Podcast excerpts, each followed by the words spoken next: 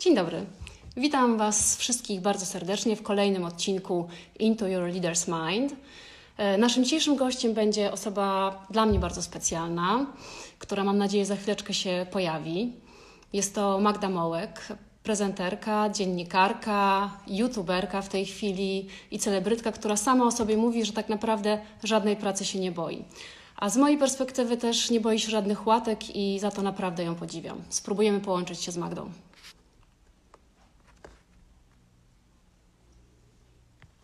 Czy jest Magda? Czy jest Magda?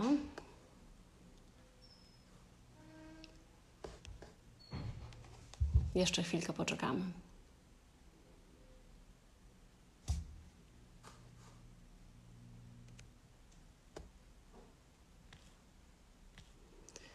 Mam nadzieję, że nasze spotkanie za chwileczkę się rozpocznie. Jak widać, z naszej historii zawsze muszą się zadziać jakieś techniczne rzeczy na początku i próby połączenia są, się, są troszeczkę opóźnione. Czekamy na Magdę Mołek. Magdo, czy jesteś tam? Na Wojka droga Magda sama się pozwoliła nazwać celebrytką. Dlatego powiedziałam, że nie boi się żadnych łatek i bardzo ją za to podziwiam. Jest Magda.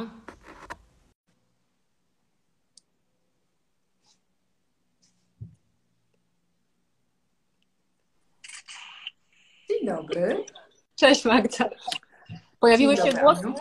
Cześć. Pojawiły się głosy protestu, że nazwałam cię celebrytką, a chciałam powiedzieć, że sama w zasadzie mi to podsunęłaś, bo jak sama powiedziałaś, żadnej pracy się nie boisz. e, Zobacz, nawet teraz, boisz. nawet teraz nie zachowuję się jak rasowa celebrytka, tylko jak operator, który próbuje sobie ustawić jak najlepszy kadr.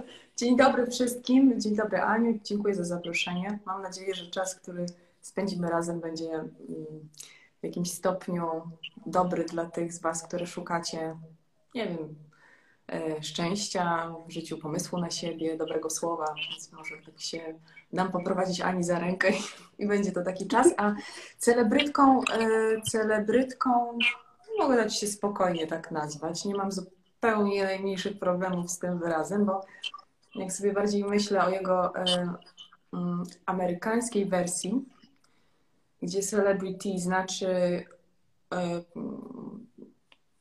jest to mowa o kimś, kto jest w jakiś sposób uznawany i pożądany z różnych powodów, nie tych, których, y, do których zostaliśmy w Polsce przyzwyczajeni. W Polsce to jest pejoratywne określenie, ja się z nim do końca nie zgadzam. Więc uważam, że w gronie y, celebrytów, czyli celebrities, są naprawdę wspaniałe osoby, więc jeśli ktoś raczy mnie nazwać tak ładnie, to ja bardzo dziękuję. Jestem zadowolona. Przed nami Magda Mołek, e, celebrytka oraz wiele innych funkcji, które tam Magda. E, ja bym chciała zacząć od takiego pytania, które teoretycznie wydawałoby się oczywiste, znaczy odpowiedź wydawałaby się oczywista, ale jestem bardzo ciekawa, co ty o tym myślisz. Powiedz mi, czy ty uważasz, że ty zrobiłaś bądź robisz karierę? Nie, ja w ogóle uważam, że to jest jakiś wspaniały sen, z którego za chwilę obudzi mnie moja mama, szturchając mnie w łokieć. Magda, wstawaj do szkoły. Ja się po prostu tak obudzę. Natomiast ym, nie lubię tego słowa, aczkolwiek wiem, jaką ona ma wartość, jakie ona ma znaczenie dla tych, którzy zaczynają. Ja myślę, że ja po prostu wybrałam swoją drogę, ym, odnajdując swój talent i poszłam nią zupełnie ym, oddając się temu, co przychodziło, czując, y, dokąd mam pójść w dobrych, właściwych momentach. Y, I jeszcze do tego mając strasznie dużo odwagi w pokonywaniu problemów, kłopotów, kłód pod nogami, y, bardzo ciężko pracując. Mnie się przez te 25 lat nigdy nie, y, nie napatoczyło na myśl sformułowanie, że mi się coś udało.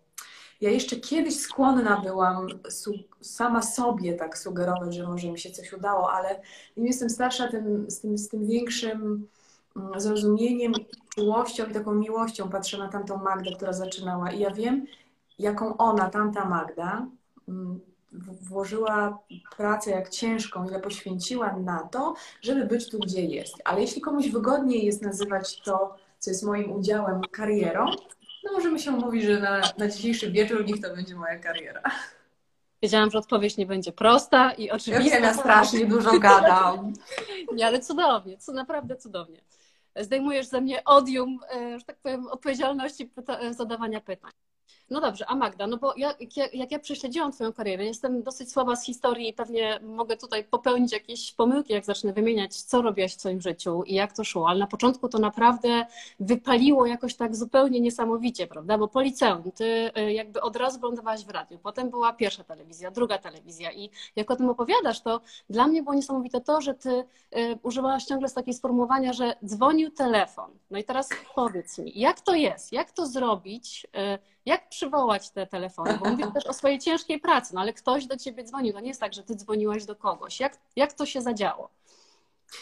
Myślę, że to były przede wszystkim inne czasy, bo ja y, miałam ten przywilej, że zaczynałam pracę w mediach 25 lat temu, kiedy one same zaczynały się budzić, bo y, to jednak pierwsza połowa lat 90. jeszcze słabo, ale już druga połowa lat 90., wtedy, kiedy ja zaczynałam, E, naprawdę na rynku mediów działo się bardzo dużo. Weszli, e, weszli do, do gry prywatni gracze, i mówię tutaj i o radio, i o telewizji, i o prasie, i naprawdę pracy było bardzo dużo, rąk do pracy mniej, więc ja zaczynałam w złotych czasach. Ja mam tego absolutnie świadomość. Dlatego, mnie właśnie pytasz, czy to kariera, to bardziej bym powiedziała, że to jest właśnie mm, zbieg okoliczności i ogromne szczęście.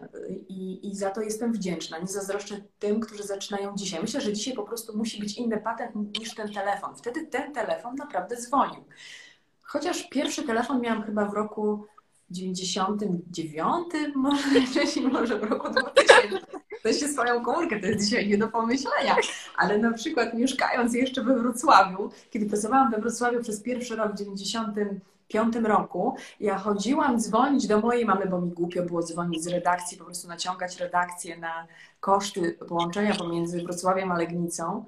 E, chodziłam dzwonić do mojej mamy z budki telefonicznej pod domem towarowym Renoma. Więc to, tak, telefon dzwonił, to jest takie umowne, ale, ale jeśli mnie pytasz, co zrobić, żeby zadzwonił telefon, to ja myślę, że to jest jakiś rodzaj gotowości w, to, w tobie samej. Nie wiem, czy oglądają nas mężczyźni, więc w nas samych mm, uwzględniając y, Pan w drugiej stronie, bo, bo wydaje mi się, że mm, jednak jest dużo sensu i dużo prawdy w tym, że przychodzi do nas to, czego mm, czego potrzebujemy. Może nie zawsze to, czego chcemy, też się z tym zgadzam, ale dokładnie to, czego potrzebujemy. I mnie się wydaje, że nawet jak czegoś chciałam, a przychodziło to coś, co było inne niż chciałam, ale było tym czymś, co ja potrzebuję, to ja potrafiłam na to zareagować. Więc ten telefon niech będzie taką metaforą, ale niech, on będzie właśnie tą Twoją gotowością na podjęcie wyzwania, bo tych telefonów może być mnóstwo. To, to może być czyjaś sugestia, to może być, nie wiem, coś, co zauważysz po drodze. To może być na przykład cudze niepowodzenie, bo ty możesz uznać, że ty jesteś w tym dobra. No to skoro jemu nie wyszło, to może spróbuję zmierzyć się z tym, z czym zmierzyła się ta osoba i spróbować po swojemu. Więc y, tych telefonów dzwoniących dookoła nas, które mają wytaczać nam ścieżkę, naszą drogę życia, jest bardzo dużo i one nie, one nie dotyczą tylko spraw zawodowych. To jest ta uważność na to, co przynosi, co przynosi świat, żeby nie przegapić najważniejszych momentów w swoim życiu. To jest chyba, to jest chyba kluczowe y, w, w robieniu kariery, wel, pójściu swoją drogą, ale właśnie w tym usłyszeniu, że dzwoni telefon. Bardzo mądrze mówisz. Ja też tak uważam, gdzieś tam czytanie takich trochę i zbieranie informacji ze świata, które dobijają się do ciebie, żeby dać ci znać, że właśnie musisz skręcić, albo się zatrzymać, albo zupełnie zmienić drogę, są tylko Magda, trochę jest tak, że jak masz lat 40, to już je czytasz, ale jak masz lat 19, to tak naprawdę wydaje mi się, że trudniej jest tak. to rozpoznać y, po prostu. I, y, i, I wtedy, a ty miałaś to, i, w momencie, kiedy masz trochę tak jak ty, że ewidentnie się uśmiechnął do ciebie los, y, albo cię wybrał, E, to pewnie jest łatwiej to znieść, niż jeżeli masz podgórkę, albo masz trudno, albo zupełnie nie wiesz, co robić. A powiedz, bo trochę też jest tak, że mówisz o takiej otwartości, ale ty byłaś też gotowa na to, no bo z tego, co mówisz, to trochę tak zaprojektowałaś to. I na przykład mnie zastanawia, udawałaś Krystynę Loskę, czytałaś e, przed e, lustrem, nie wiem, cokolwiek, gazetę, czy Program z gazety, program, program telewizyjny. Program telewizyjny Czyli ty gdzieś tam od samego początku wiedziałaś, że to jest coś, co ty chcesz robić. Ja, mnie na przykład zastanawiam, dlaczego nie zostałaś, nie wiem, aktorką, albo co było w tobie takiego, że wiedziałaś, że te, te komponenty, wiesz, czyli ta telewizja, to czytanie, rozmowa z ludźmi, że to jest to, co będzie twoje. Bo ja zawsze zadawałam pytania. Ja byłam dosyć namolnym dzieckiem. Ja musiałam znać odpowiedź na pytanie, dlaczego. To jest zresztą najlepsze dziennikarskie pytanie. Bo możesz je zadawać w nieskończoność. Na przykład udawać, że nie rozumiesz. I dopytywać, no dobra, powiedz, ale wytłumacz mi, no ale dlaczego? Więc y, to wróciło do mnie po latach, bo mój syn, jak miał 4 lata, z, y, odpowiadał na każdą próbę odpowiedzi na jego pytanie kontynuacją. Ale dlaczego? I Dlaczego? wtedy zro- Ale wtedy zrozumiałam właśnie, że dlaczego może być upierdliwe.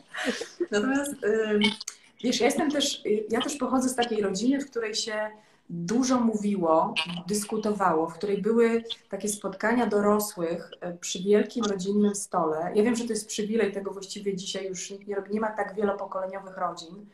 Mm, Więc ja byłam ostatnim dzieckiem z tej bandy kuzynostwa, które można było spokojnie wygnać spać, bo ja się nie dawałam położyć spać, ponieważ ja strasznie chciałam słuchać historii, które opowiadał na przykład mój dziadek, który był, który był w czasie II wojny światowej partyzantem siedzącym gdzieś w słowackich lasach.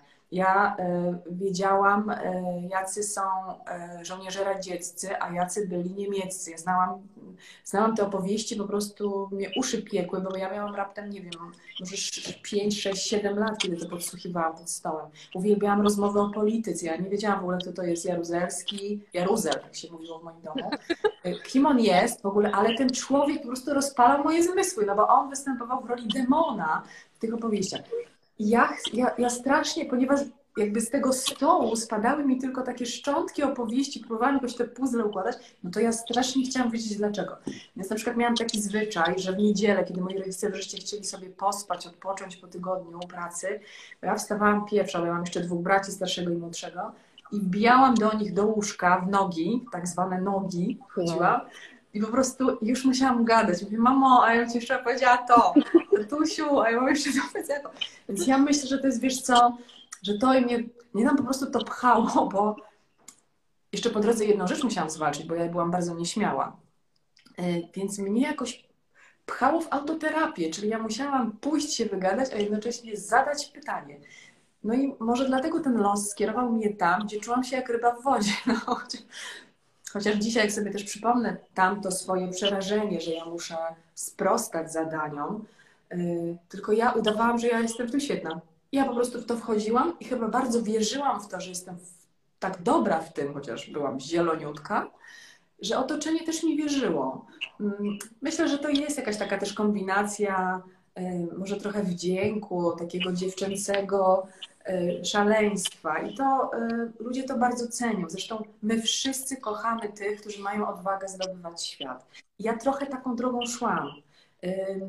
Bałam się i nie bałam. No, chciałam w to wejść i nie chciałam. No, miałam jakby wachlarz tych wszystkich emocji, ale gdzieś jednak, wiesz, może to taka młodzieńcza głupota pozwalała mi, no, bo, bo, trudno, bo wiemy, że granica pomiędzy głupotą a odwagą jest ogromna. Znaczy, ja ci nie usięga, to jest tylko kroczek. Tak. Więc może to było to. Ale masz rację, miałam bardzo dużo szczęścia, bo były takie czasy i miałam bardzo dużo szczęścia do ludzi, którzy wyławiali mnie w tym, w tym morzu tych, którzy, którzy wtedy mogli robić to, co ostatecznie robiłam ja.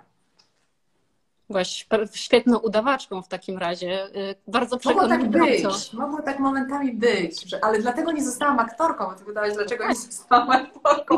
Może właśnie dlatego, że poniekąd ten zawód trochę taki był. Trochę próbowałam właśnie, wiesz, tutaj... Nie umiałabym mówić cudzym tekstem. To jest chyba mój największy problem. Nie umiałabym kogoś odegrać. Ja jednak na koniec dnia jestem tą taką właśnie dziewczyną z Legnicy, co to chciała pytać. No wiesz, musiałabym grać jedną rolę ciągle wszędzie. No to głupio, nie? Świetnie ci ta rola wychodzi, powiem ci, naprawdę. Gra, absolutna Oscarowa twoja, twoja rola życiowa. Magda, a teraz mam takie pytanie, które, wiesz co, jak sobie je sformułowałam w głowie, to pomyślałam sobie, że w życiu bym się faceta o to nie zapytała, ale zapytam cię, bo ja mam Dawaj. przykład córkę, ty masz dwóch chłopaków, a mnie to zastanawia. Powiedz, jak czy myślisz, że to, że jesteś szalenie atrakcyjną kobietą, jednak pomogło ci trochę i czy jednak, nie wiem, ludzie wolą ładne osoby, czy wręcz ci przeszkodziło, dlatego że musiałaś cały czas udowadniać, że nie jesteś tylko ładna, ale również mądra. Jak to było? Jak, ile tam jest w tym e, tej siły atrakcyjności, przyciągania jakiegoś? Wiesz co, ja myślę, że ja mam bardzo y, sympatyczną powierzchowność, natomiast gdzieś tam w środku jestem odpornym facetem. Zobacz, ile rzeczy dzisiaj o mnie. Y, może trochę tak jest, nie wiem, ale, ale to połączenie przeciwstawnych cech może być, może być nurtujące i może to ktoś widział. Ale zejdźmy na ziemię, powiedzmy serio. E, taki typ, e, jaki ja reprezentuję, urody, wyglądu, e, jest szalenie pożądany, ja to wiem. Ale to wiesz, żadna moja zasługa. To jest po prostu dar, dostajesz go i możesz go oczywiście zepsuć, nigdy nie wykorzystać tam, gdzie można go wykorzystać, oraz zrobić odwrotnie, co też ja uczyniłam. Natomiast był taki czas w moim życiu zawodowym, że ja mam zresztą dzisiaj awersję do zdrabniania mojego imienia do formy Madziu. Więc był taki czas, kiedy ja byłam ciągle Madzią. No bo ja byłam zawsze najmłodsza. Ja zaczynałam, jak miałam 19 lat, no to siłą rzeczy tam otaczały mnie osoby starsze co najmniej o 10 lat, 15, 20, 30, czyli wieku moich rodziców. A, ja byłam tą Madzią, która była taka właśnie urocza, sympatyczna, dziewczynka, która wiadomo, że nie odpyskuje, będzie grzeczna, postoi w kącie, trzeba, prawda, i poczeka na swój czas. Ale w jakiś sposób też umiałam to, umiałam to któregoś dnia zrozumieć, że ja już nie chcę być Madzią, że mogłabym się zgodzić na tę rolę i przełknąć swoją potrzebę powiedzenia, jaka jestem naprawdę, ale stwierdziłam, że nie, że to jest mój czas i albo zawalczę o siebie i zaczniemy się traktować partnersko, albo po prostu na zawsze zostanę Madzią. Pamiętam taki wywiad, którego udzieliłam y, y, gazecie Twój Styl, dokładnie w momencie, w którym zaczynał się program Dzień Dobry TVN, czyli od dzisiaj to będzie już 16 lat temu. I, i tam y, w wywiadzie po pytaniu opowiadałam o tym, że bardzo się cieszę, że będę wreszcie prowadziła program na żywo, który jest trzygodzinnym studiem, magazynem, w którym są wszystkie rozmowy na każdy temat, że wreszcie będzie można się, bo mi tego brakowało, bo robiłam to w telewizji publicznej parę lat wcześniej, prowadziłam kawę czy herbatę, więc e, to był prawie publicystyczny momentami program, dosyć wymagający. A, a Dzień Dobry TVN no, być lżejszą formą, ale no, nadal programem na żywo z gośćmi, z pytaniami, z łączeniami na żywo, y, więc bardzo, bardzo trudna forma telewizyjna.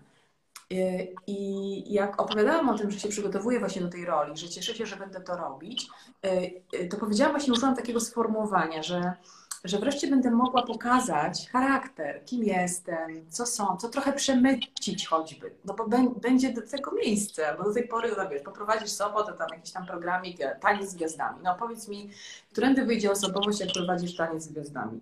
No nie wiem. E, w, w, w ekspresji na przykład sukienki może wyjść. Na przykład. A to dla mnie trochę za mało. Więc mnie właśnie nie interesowało już tylko pokazywanie się w fatałaszkach. Ja chciałam mieć jakiś wpływ na no, nawet na siebie, na swój rozwój. Strasznie chciałam pójść do przodu. Zresztą nawet nie pójść do przodu, broń Boże się cofnąć. I w, li, w Lidzie, tak? Jak to się nazywa w prasie, bo ty przecież byłaś tyle lat redaktorem naczelną. Tak. Wycią- w tym głównym w Lidzie. Tym, pod tytułem w tym głównym Lidzie było takie, czy nawet to był tytuł, było takie sformułowanie teraz będziecie mnie słuchać. Wykrzyknik, Magda Mołek ja zemdlałam. I mówię tej pani, że bardzo proszę, żeby po prostu zrezygnować z tego tytułu. Żeby zrezygnować z tego tytułu, bo ja bym w życiu czegoś takiego ludziom nie powiedziała. Ja powiedziałam odwrotnie, że się cieszę, że będę mogła coś powiedzieć. A zostało to złapane w trybie rozkazującym. Ja po prostu łzy wylałam, prosząc, żeby zmieniono ten tytuł i oczywiście go nie zmieniono. I oczywiście po tym wywiadzie wylał się na mnie no, to były inne czasy 16 lat temu, e, jakiś rodzaj takiego, no nie, może jeszcze wtedy nie hejtu, ale niezadowolenia. I ja rozumiem ludzi, którzy się tak poczuli. Dlaczego Magda Mołek nagle każe e, im, nie wiem, myśleć albo, albo wręcz każe im, się, każe im siebie słuchać, ale niby kim ona jest. Rozumiesz? Więc, e, a ponieważ ja zawsze przywiązywałam ogromną wagę do słowa, wiedziałam, jaki ona ma ciężar, to poczułam wtedy ten ciężar Ale to też, to, to jeśli mowa dalej o karierze i o, o, telefonach, to wtedy właśnie zadzwonił telefon, słuchaj, musisz być bardziej waleczna, musisz jednak dyplomacji stosować więcej, musisz przestać być małą Madzią, schować swoją naiwność do szafy, zachować ją dla najbliższych, bo jesteś wrażliwa, jesteś delikatna, ale wchodzisz na tereny, na których po prostu Twoja wrażliwość i subtelność zostanie wykorzystana przeciwko Tobie. I to było takie mm, lekkie podtopienie, ale wtedy nauczyło mnie walki o siebie, więc, więc znowu, no, no, można przestać być Madzią, ale tylko wtedy, jeśli yy, weźmiesz się yy, pod pachy, czy tam, wiesz, no, po prostu w gaść i powiesz, hej, hola, hola, no to nie tędy. Jestem Magdą. Jestem Magdą, która jest już 30-paroletnią kobietą, więc może po prostu potraktujmy się partnersko, bo ja nie chciałabym. To jest też w Polsce, wiesz, to jest też w Polsce, na szczęście coraz mniej, ale te kilkanaście lat temu to był standard, że kobiety dzieliły się na dwa, na dwa porządki, na dwa zbiory. E, grzeczne właśnie Madzie oraz wojujące Magdaleny. Rozumiesz o co chodzi? Rozumiesz tak. o co chodzi? Przecież nie jesteśmy tu same. A po środku było pusto, a tak naprawdę my wszystkie byliśmy po środku. Ale trzeba było szybko kogoś do zbioru wsadzić. Ja, więc ja, wiesz, wylądowałam jakby z jednego bieguna, przerzucono mnie na drugi. No to wiarygodność zerowa. E, no i tyle. Czy ja dobrze odpowiedziałam na Twoje pytanie? Tak, po, po, podjęłaś również mnóstwo dygresji, dygresji, w których mi się pojawiło mnóstwo pytań. Ale powiedz, bo też coś takiego powiedziałaś, bo przyszłaś do telewizji śniadaniowej, wcześniej zajmowałaś się tak bardziej reporterskimi rzeczami i też taką publicystyką troszkę. I teraz jak, bo też y, gdzieś tam w tych swoich wypowiedziach powiedziałaś, że marzyłaś o TVN24. E, czy to prawda i co tam się takiego wydarzyło i czy de facto jakby ta droga, no bo rozumiem, że też coś cię popchnęło, coś się wydarzyło, nastąpił jakiś taki głos, że zupełnie gdzie indziej wylądowałaś i mhm. czy jesteś z tego powodu e, zadowolona, tak sobie patrzysz na to w tył? Ja mam takie przekonanie, ponieważ już właśnie, jak wspomniałaś, jestem po 40 i nawet bardziej niż nie bardziej. Nie, jeszcze nie bardziej, bo jeszcze, jeszcze 44. jeszcze nie bardziej. Y, to mam te refleksje, że mm, wszystko jest po coś. Że każda rzecz w naszym życiu, nawet jeśli nie ma na niej początkowej zgody, jest mądra. I ona przyniesie w perspektywie owoc albo owoce.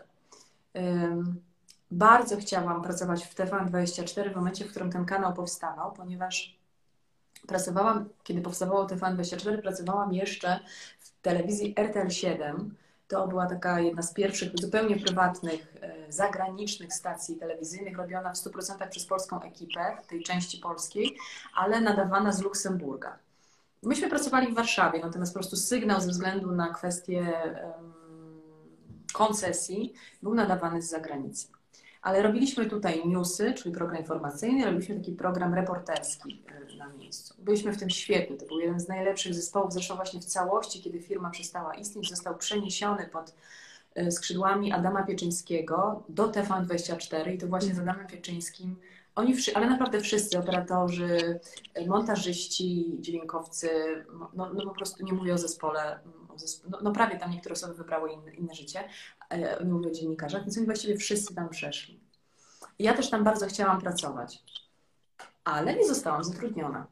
I to był wielki, to był dla mnie wielki cios, bo ja byłam pewna e, po tej takiej reporterskiej przygodzie w RTL 7, że tam jest moje miejsce, że ja zresztą zawsze, ja zaczynałam od newsów, ja się tam wychowałam w nich, bo pracowałam w nich w telewizji Puls, pracowałam w we Wrocławiu w redakcji lokalnej, e, więc ja miałam, ja miałam tę żyłkę e, newsowca, reportera. No i po prostu nie dostałam tam pracy. Moje, moje CV nie zostało przyjęte. I właściwie moi przyjaciele, cały mój świat poszedł tworzyć jedną wtedy, moim zdaniem, z najważniejszych telewizji y, w tym kraju, a ja nie. No i co? No i trzeba było po prostu tę pigułkę przełknąć, y, rozejrzeć się i skorzystać z oferty, która przyszła chwilę wcześniej, zanim się okazało, że nie ma dla mnie miejsca w TVN24. Y, I, I co? No i po prostu jak poszłam tam, to okazało się, że tam, czyli w telewizji Puls, pracuje pewna wspaniała osoba, która pracuje również w telewizji publicznej, w jedynce, w dwójce dla wszystkich ludzi, którzy pracowali wówczas w obu tych kanałach. E, I ona zarekomendowała mnie szefowi oprawy jedynki w telewizji publicznej. On się ze mną spotkał i właściwie w czwartek miałam spotkanie, a w poniedziałek propozycję pracy, więc zobacz, gdybym przyszła do TVN24, nigdy nie pojawiłabym się w telewizyjnej jedynce. Byłam tam wprawdzie dwa lata, ale uwaga, to był ten moment, w którym moja wartość na rynku bardzo wzrosła, wobec czego TVN kupił mnie. Kupił mnie. Za ile? nie za za mało.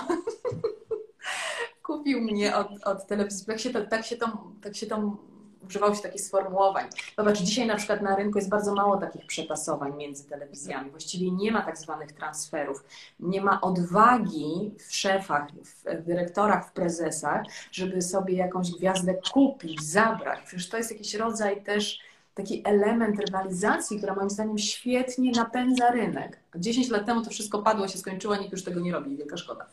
E, jakieś takie pojedyncze osoby tak fluktuują. Natomiast mm, dawało to taki nerw nam wszystkim. No więc, no jest właśnie dlatego ten TVN mnie kupił i mogłam tam zacząć pracę. A tak, może by mnie nikt nie chciał, no bo gdybym pracowała w TVN24, no to przecież nikt dziewczyny z TVN24 nie brałby nagle na, na dużą antenę i nie dawał jej tam jakichś programów.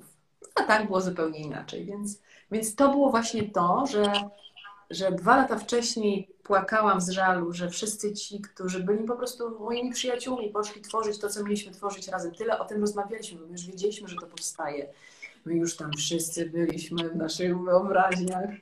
A, no i poszli, a ja nie. Więc to jest tak jak wiesz, jakbyś, nie wiem, no jesteś na koloniach i tak. rozmawiacie sobie o tym, nie, że tak długo, długo pojedziecie wreszcie na te lody. Wszyscy jadą, a ty masz karę. Czyli słuchajcie, lekcja numer jeden jest taka, że nie ma tego złego, co by na dobre nie wyszło, bo jeżeli los znowu wam podpowiada, że macie nie iść tu, tylko tam, to i tak czeka tam dla was jakaś nagroda i jakieś inne lody, albo tort, albo nie wiem, coś z równie pysznego i dużo fajniejszego. A lekcja numer dwa to powiedz, jak, jak sobie poradzić z taką porażką? No bo to nie jest proste. Znaczy, to była pewien, pewnego rodzaju, czy ty się, nie wiem, winiłaś, zastanawiasz się co, że jestem za, nie wiem, za mało inteligentna, źle wyglądam, coś źle powiedziałam, co, czy coś jest ze mną nie tak, czy coś jest z nimi nie tak, że mnie nie chcą.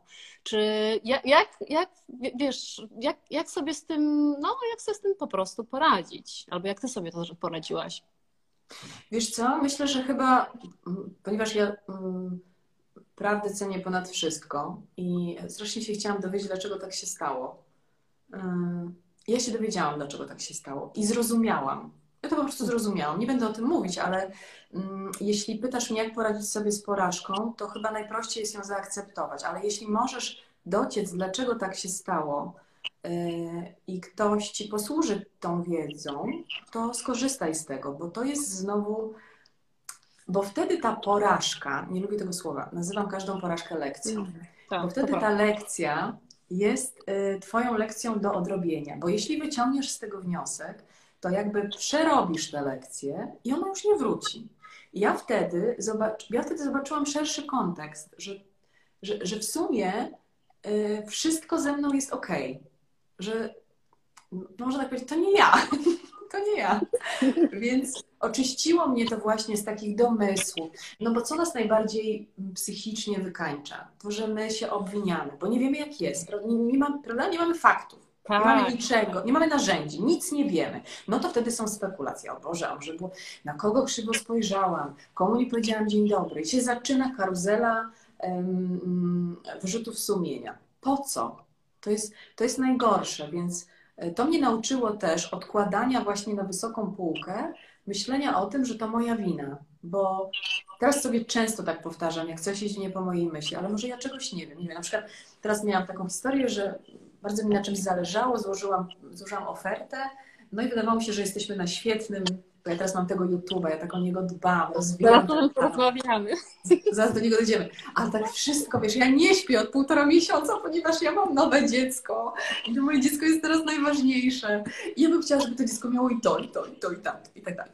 I, yy, I pomyślałam sobie, Boże, jak to może nie, to nie wyszło jednak. Boże, czemu oni do mnie nie odpisują? Przecież ja im już taka, taka już, tak już wszystko prawie było omówione i oni nagle do mnie nie odpisują. Ja siedzę i kmini, kmini, no poniedziałek, wtorek, środa nie odpisują. No i nagle w czwartek odpisują, że wszystko jest dobrze. A ja przez poniedziałek, wtorek i środę właśnie 15 razy powtarzałam sobie, ok, zrobiłam wszystko, co w tej sprawie mogłam, wszystko, co wiem, podzieliłam się tym, co umiem, no i teraz poczekam, no nie wiem, może ktoś jest chory, może ktoś wyjechał. No to czasem jest po prostu jak to wszędzie w biznesie. No przepraszamy za milczenie, ale coś tam, więc idziemy dalej. I już, no. A, a tak masz trzy dni zmarnowane i myślisz w ogóle, że już ciebie nie ma w tym projekcie. A to po prostu na przykład nieprawda.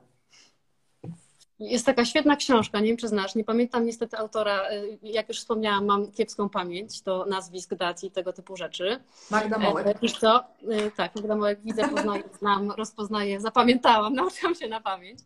Ale koleś jest inżynierem z Google i napisał sobie książkę o szczęściu. Y, Podeślę wszystkim, wrzucę u siebie na Instastories y, książkę, bo jest świetna. I jest dokładnie o tym, to, o czym ty mówisz, czyli że nieszczęście tak naprawdę, to, że jesteśmy nieszczęśliwi, polega, jest tylko i wyłącznie w naszej głowie i polega na myśleniu o tym, czyli de facto jakby ono nie istnieje faktycznie, to jest tylko i wyłącznie nasza interpretacja, nasze domysły, nasze myślenie, czyli kłócimy się z chłopakiem, wychodzimy do pracy, przez całą drogę jesteśmy nieszczęśliwi, ponieważ przerabiamy to, co się wydarzyło w naszym domu z tym chłopakiem. Potem przychodzi szef i szef ci daje robotę do zrobienia, którą musisz zrobić na teraz. Twoje myśli przekierowują się na coś innego i przestajesz być nieszczęśliwa. Więc rzeczywiście jest Prawda? coś takiego, tak, tak, że założenie takiego kagańca na swoje myśli jest bardzo ważne. I druga rzecz, którą on był świetną i też polecam się do niej stosować, to jest to, że by sobie zrobić analizę. Jeżeli nie masz na coś wpływu, to nie możesz być z tego powodu nieszczęśliwa. Po prostu. Odpuść, tak. Nie odpuść. masz wpływu? Odpuść. Nic nie zrobisz. Ani nie przyspieszysz, ani nie opuścisz, bo to jest nie twoje. To jest jak wchodzenie właśnie w cudze. To jest jak ze wszystkim, jak wchodzenie w cudze życie. Nie zmienisz cudzego życia. Tak jak ja jestem osobą, która ciągle powtarza, że kobieta ma prawo wyboru. Życia mówiła o tym z bardzo jednego prostego powodu, że nie jest moją rolą mówić tobie, co ty masz robić. To jest żadna moja rola, to jest Twoje życie, Twoje decyzje. Nie można wymagać od drugiego człowieka heroizmu.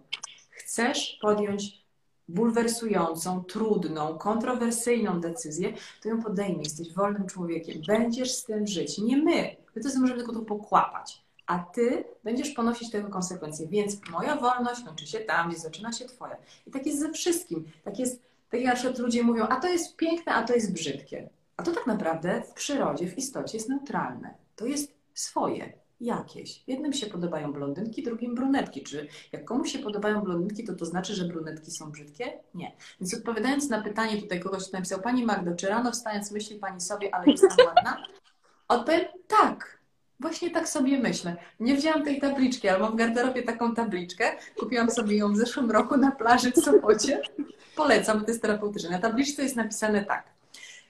Codziennie budzę się piękniejsza, ale dzisiaj to już przesadziłam.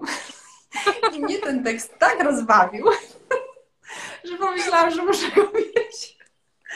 Słuchajcie, jak się człowiek rano budzi, to naprawdę uroda jest ostatnią rzeczą, o której się myśli, ale jeśli, jeśli e, wstanę rano i jestem rozczochrana i opuchnięta, bo nadal źle śpię, gdyż mam małe dziecko, to myślę sobie, tak, jestem piękna, ale jestem piękna tym, że jestem uśmiechnięta, że mi się chce, że właśnie mogę robić coś nowego, a to, że ja mam teraz potargane włosy czy krzywe zęby, to jest naprawdę sprawa drugorzędna.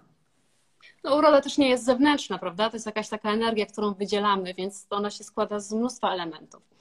No dobra, a to przejdźmy do Twojego nowego, nowego dziecka, bo też mnie to ciekawi, bo powiem Ci, że obserwowałam sobie taką, obejrzałam sobie dużo tego, co robiłaś wcześniej, dużo tego, co robisz teraz i przeszłaś z mojej perspektywy, jak na to patrzę, naprawdę dużą metamorfozę. I ciekawi mnie, czy to jest tak, że jesteś totalną profesjonalistką i po prostu zmieniłaś siebie, adaptując się do nowego kanału i troszeczkę nowego w ogóle sposobu e, komunikacji, odbioru, czy po prostu coś się też w tobie zmieniło tak naprawdę, że nagle jednak e, częściowe wyjście z, z korporacji, jakim jest TVN, tak cię, wiesz, ulżyło ci po prostu i ty nagle, no bo to trochę tak jest, że jednak trzyma, jesteś zamknięta w pewnych regułach, w pewnych zasadach, jesteś wiecznie oceniana e, i jakby to, to troszeczkę zawsze, zawsze e, hamuje przed różnymi rzeczami. Więc jak to jest? Czy to było troszeczkę takie jednak, wiesz, wymyślone, czy to było takie zupełnie spontaniczne i coś tam się zadziało w środku ciebie, że nagle. Że nagle bach i małe, małek tak. poszła w sieć. Słuchaj, y, ja bardzo chciałam to zrobić już dawno ponieważ istotnie y, ja się dusiłam w ramach telewizji, ale dusiłam się ze względu na to, że jednak telewizja jest takim miejscem, w którym y, panuje Excel i w tym Excelu są tabelki i w tych tabelkach jest mnóstwo różnych zobowiązań. I tam po prostu na końcu, w tym prawym rogu, w tym Excelu, no to się musi zgadzać. Ale żeby tam się zgadzało, to tu na tutaj po drodze to musi, ci, co pracują w Excelu, to wiedzą, co tam się musi zadziać. Więc ja po prostu nie wiem, co tam się musi zadziać, ale jakoś mnie to zawsze tak bolało, że, że ja nie mogę, że ja nie mogę tak na tych swoich wielkich skrzydłach, co już sobie tak uhodowałam, się tak rozpędzić. No bo takie są prawa tego, e, tego miejsca, że ono jest nie moje, tylko jest to firma, korporacja z zależnościami, odpowiedzialnością, wielkimi budżetami i wielkimi nazwiskami. Ja jestem sobie jakąś tam Magdą, która właśnie jest cały czas Magdą z Legnicy i chce zadawać pytania.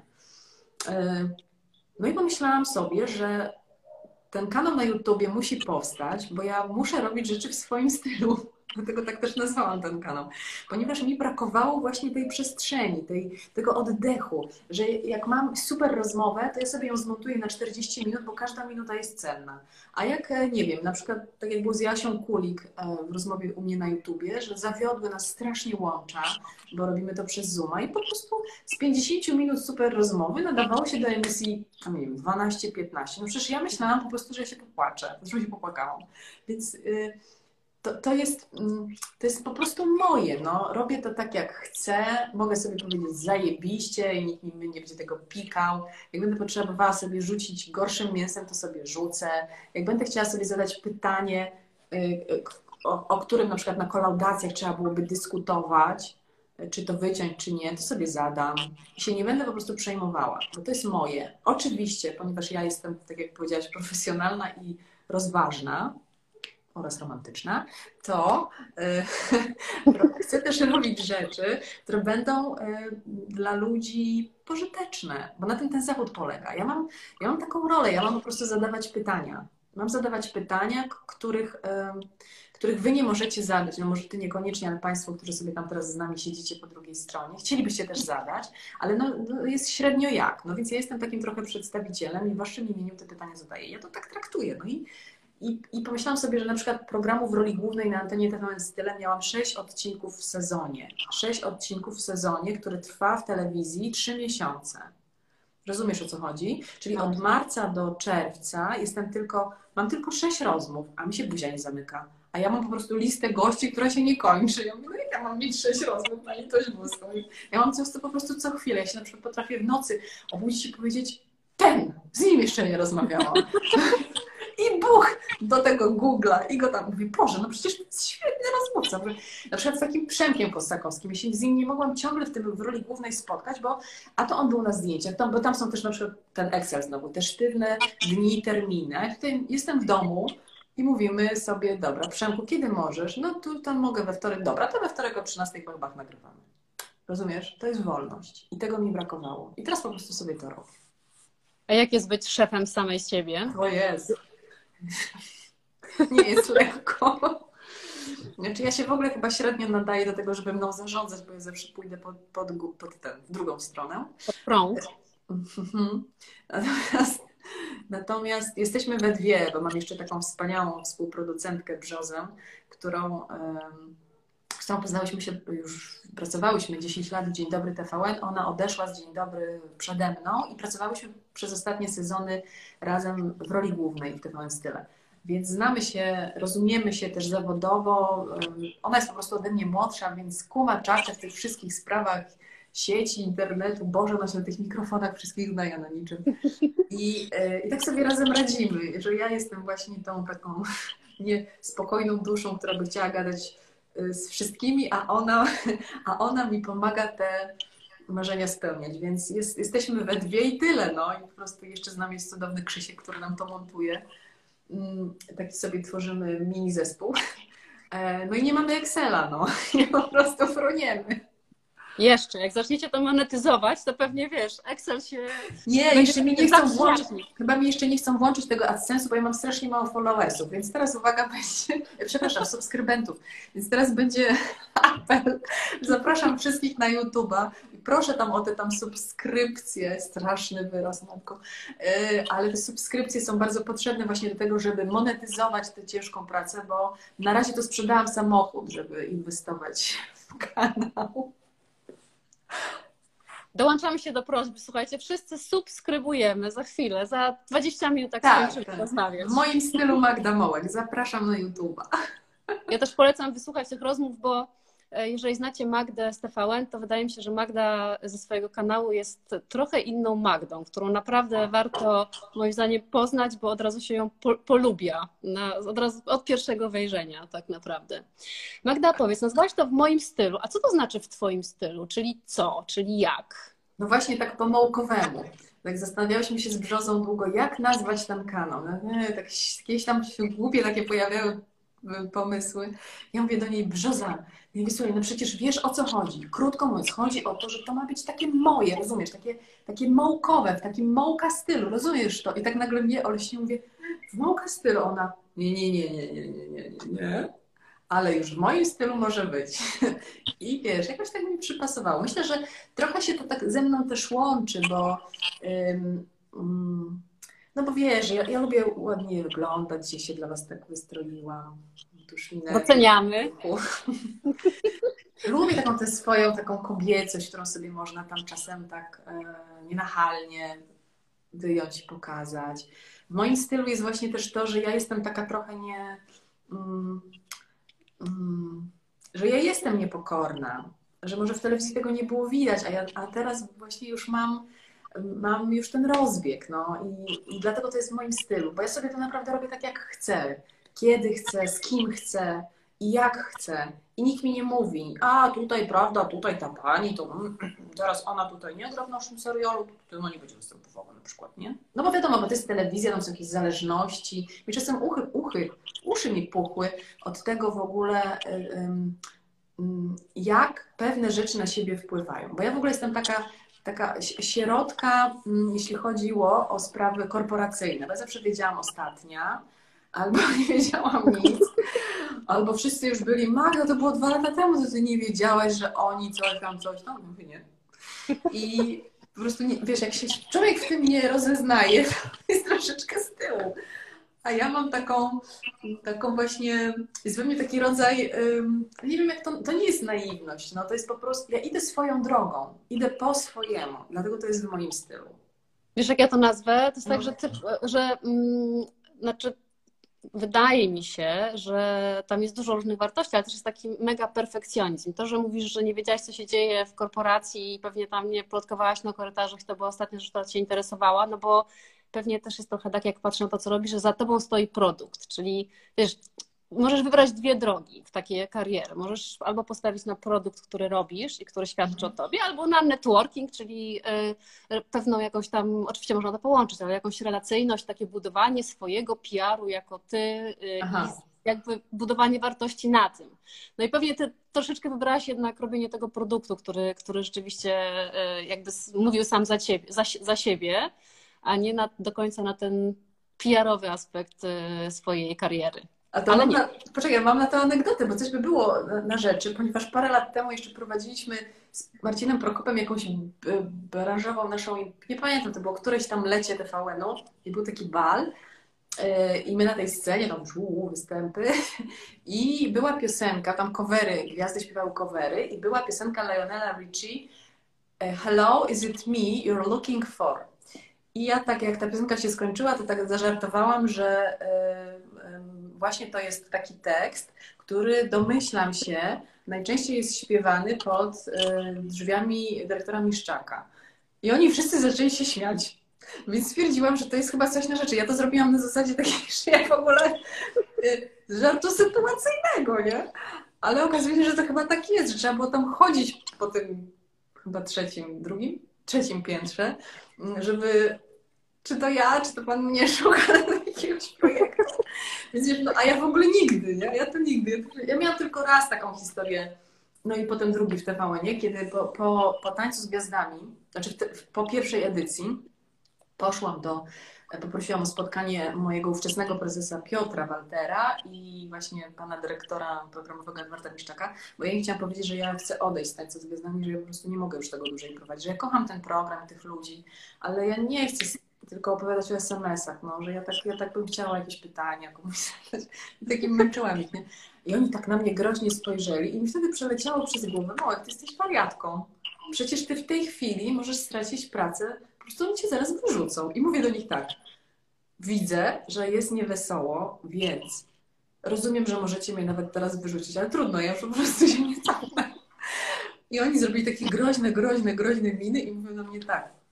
Y Yy, mówią do mnie tak, no dobrze, to może zamiast Panią wyrzucać, co by Pani powiedziała na to, że właśnie odpalamy morning show i czy zgodziłaby się Pani zostać jedną z prowadzących? Rozumiesz? No to po prostu się trzeba w czepku urodzić, żeby sobie, żeby sobie w ogóle zasłużyć na taką historię. Czyli przychodzi im, wiesz, tam jedna z prowadzących i mówi, ja nie będę tego już prowadziła, a oni mówią, no dobrze. Wiesz, no i to jest w sumie, to pewnie był zbieg okoliczności też akurat ten format nowy powstawał i potrzebni byli ludzie, a ja, mają, a ja miałam doświadczenie, no bo miałam to doświadczenie y, z telewizji publicznej, więc fajnie było mieć też ludzi, którzy będą wiedzieli, yy, jak nie zepsuć tego programu.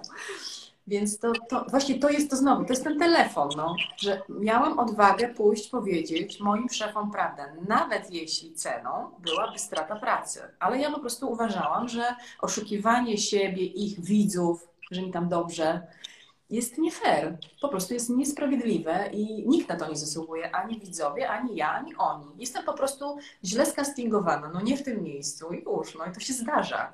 Więc lepiej się wycofać na czas i pójść, jeśli się okaże, że jest przestrzeń, to pójść indziej. No a w tym przypadku się okazało, że jest przestrzeń. Czyli, czyli mamy kolejny przykład dzwoniącego telefonu. A słuchaj, jak rozmawiasz z tymi ludźmi, to, to co tak naprawdę chcesz dowieść tym swoim widzom? Myślisz o nich w ogóle, czy po prostu tak naprawdę robisz to sobie? Jest samolubne. Tak, tak. Ale dobre pytanie, nikt mi jeszcze takiego nie zadał. No i teraz, i teraz powiem prawdę, no. Myślę o sobie, czy znaczy myślę o tym, myślę o tym, że, że jak już dorwałam, to zapytam wszystko. Ale,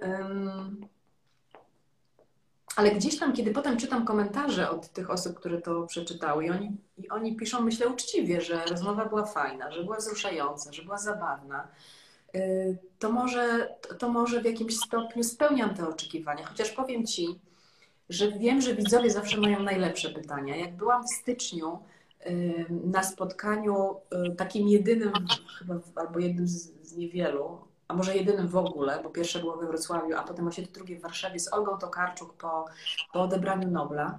I tam byli tacy dwaj państwo, panowie prowadzący, którzy mieli szalenie mądre, szalenie intelektualne, takie bardzo, bardzo, bardzo książkowe e, pytania. No to ta dyskusja była na takim wysokim C z noblistką, nie? A potem oni, bo oni wcześniej poprosili widzów, e, czytelników, żeby czytelnicy zostawili swoje pytania dla noblistki. Jak oni zaczęli czytać te pytania, to ja po prostu, ja je zapisałam o co potrafią spytać wspaniali widzowie. To jest w ogóle niebywałe, jakie oni mają pomysły na, na zebranie, wiesz, w, w dwa zdania czegoś tak mądrego. Pytanie do Olgi Tokarczuk, słuchaj, co by pani wpisała do konstytucji, do naszej konstytucji, czego tam brakuje? I Olga, to jest, wiesz, to jest do niej pytanie. I ona mówi, prawa zwierząt. Kocham zwierzęta i uważam, że to są istoty nieludzkie, pięknie to określiła, my jesteśmy istoty ludzkie, to też są istoty z tym, że nieludzkie i że należą im się zupełnie inne, i, e, e takie samo traktowanie, tylko e, inaczej zapisane i to w Konstytucji. To było tak wzruszające. Albo o co by Pani spytała, gdyby miała okazję spotkać Jezusa? No słuchaj, no to są po prostu, rozumiesz, no to są pytania kosmosy. Ja wiem, że ja się wiercę, ale ja to tak, mnie to tak kręci, jak ktoś potrafi taką świeżością, taką tak, bo to jest niezmanierowane, to nie jest właśnie takie o, o, wysokice, tylko jest takie z serca. No ktoś, ktoś chciałby się od niej czegoś takiego dowiedzieć. Mm, Więc myślę, że jednak zadaję tym moim rozmówcom moje pytania, wierząc, że nawet jeśli Państwo po drugiej stronie mają lepsze, a już wiem, że mają, no to że moje nie będą takie najgorsze. No.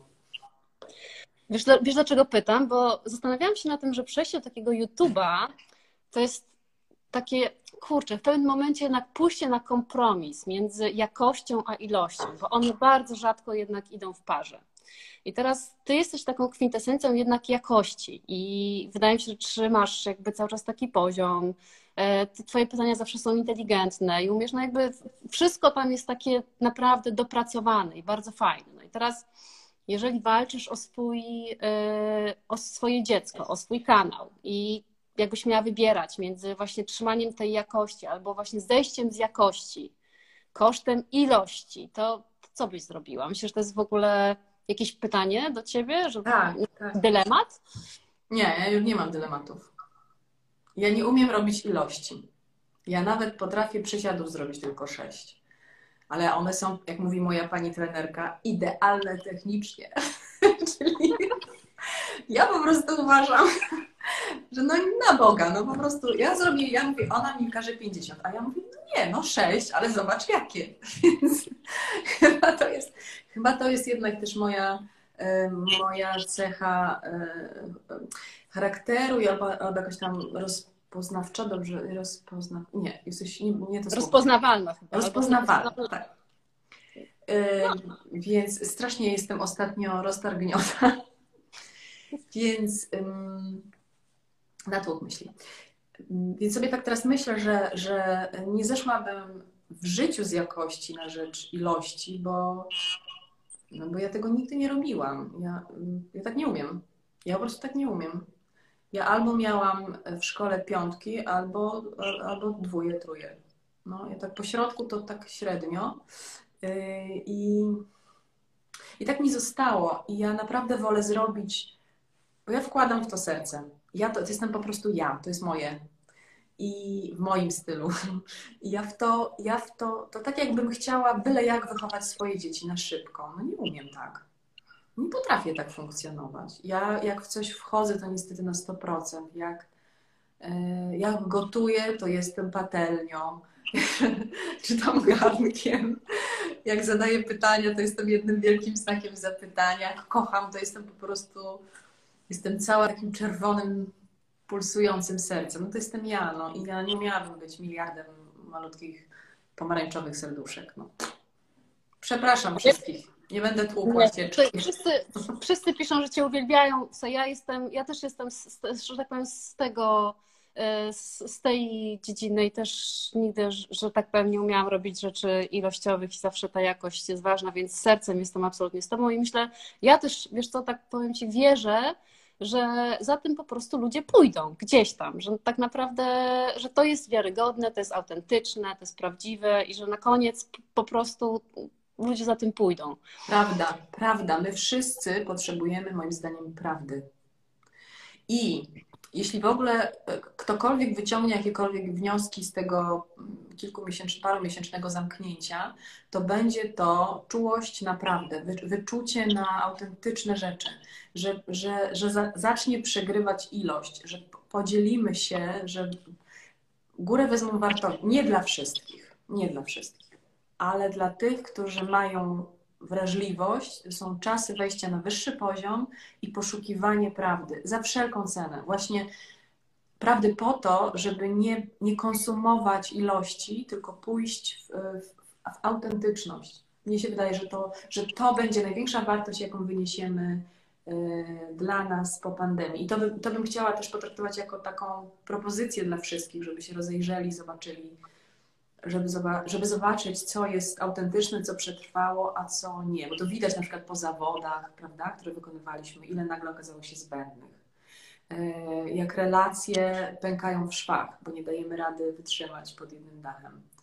Czyli jeśli coś jest nieoparte na prawdzie, to prędzej czy później ta zasłona spadnie. I tak. dlatego liczy się jakość, a nie ilość. No, teraz jest już tak, że przez, przez tamtą pandemię troszeczkę te wszystkie rozpraszacze, które okłamywały nas tak łatwo, prawda, w tym świecie, można było wyjść, coś tam, zająć, pójść na imprezę, pójść do kina i de facto nie było się w sobie.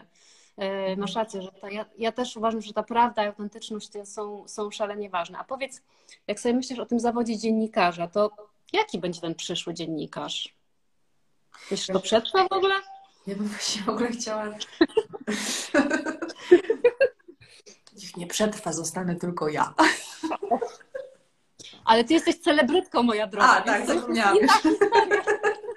Celebrytka, nie aktorka. Nie doszła, spełniona. Nie doszła, nie, nie. Mm.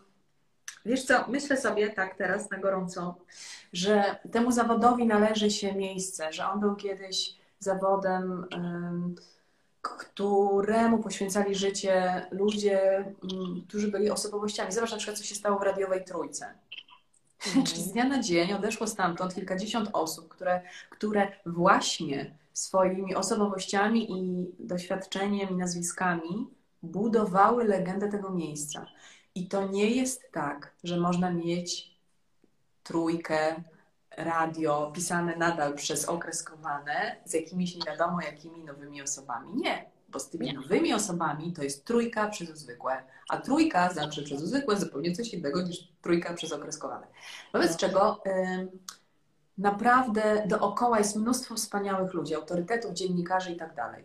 Y, znowu, tak jak ty mówisz, w tym świecie pędzącym, w którym jedno goniło drugie, ta ilość musiała zakryć jakość, bo trzeba było wypełnić tę przestrzeń, żeby pędzić, pędzić, pędzić.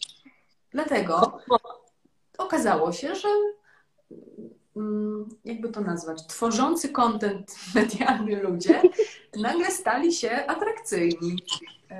No, ale myślę, że siła jednak jest w tych, którzy mają doświadczenie, odwagę. My jesteśmy zresztą bardzo młodą demokracją. Co to jest 30 lat? My się jako Polska uczymy tego wszystkiego. Siwe brody mm, to są w telewizji w Stanach Zjednoczonych, no ale tam jest zupełnie inna powojenna historia. Nie wiem, weźmy kraje Europy Zachodniej. No tam, tam nie fikają 19-letnie laleczki i obadają nie wiadomo czego. Tam są po prostu ludzie. Mówię oczywiście o programach publicystycznych czy newsowych tam jest po prostu krew z krwi i kość z kości. No i to jest, to jest, y, to jest siła autorytetu, siła doświadczenia. Ja wierzę, że to wróci, że to, że to się po prostu odsieje, że to, że to sito, które teraz y, pracuje, pokaże, gdzie jest ziarno, a gdzie nie ma, gdzie są plewy.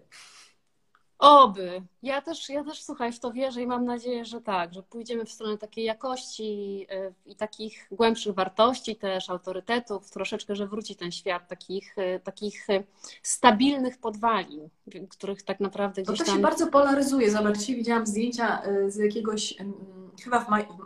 Boże, chyba w Miami, w Stanach Zjednoczonych, gdzie podczas protestu w, w, w kwestii tej nikomu niepotrzebnej okropnej śmierci. Mhm. Tak. Lloyda jest, e, e, było, była taka scena, że, że e, policjanci z tamtejszego komisariatu klęczeli przed demonstrującymi osobami, prosząc ich o wybaczenie. I wiesz, i to jest siła serca. Tutaj tak. nic z tym nie zrobisz. Dobro, które wychodzi z głębi serca, jest potężną bronią. Po prostu. Po prostu. I koniec. A dobro to jest prawda. Drodzy Państwo, musimy niestety kończyć, bo nie chcę, żeby nas ucięło. Przed Państwem Magda Mołek, która, uwaga, lekcja najważniejsza z dzisiejszej godziny, kieruj się sercem, jak rozumiem, a nie rozumem. Że serce tak naprawdę Ci podpowie, jak być autentycznym, prawdziwym, że to są takie wartości, które sprawdzą się no chyba w każdym zawodzie, co Magda, i w życiu. Wszędzie. Y, I to serce bym łączyła trochę z intuicją, więc, y, a ponieważ kobiety, my wszystkie mamy intuicję, dziewczyny, moc, którą macie w sobie, jak poznacie jej moc, tej mocy, to nie ma po prostu mocnych dla was, naprawdę. Rozum jest ważny, ważny, ale niech on będzie pół kroczku za sercem, bo serce pokazuje zawsze najlepszą drogę. Po prostu. Rozum jest jak Excel. Tam trzeba włożyć wszystko to, co serce ewentualnie ci podpowie i na tak, koniec może tak, taki wynik, tak. jak, jak powinien być. Magda, bardzo, bardzo Ci dziękuję. Jestem ja strasznie smutna, że to tylko godzina i Instagram nas ucina, ale może jeszcze będziemy miał okazję i zapraszamy wszystkich do oglądania Magdy co tydzień, rozumiem, regularnie czy nieregularnie, czy jak Ci Staram się w ochota? każdy weekend wrzucać jedną premierę, każdy weekend. Teraz trochę przyspieszam, bo mam tam różne pomysły. Jutro, słuchajcie, mam live'a o godzinie 11 yy, z sucharem codziennym.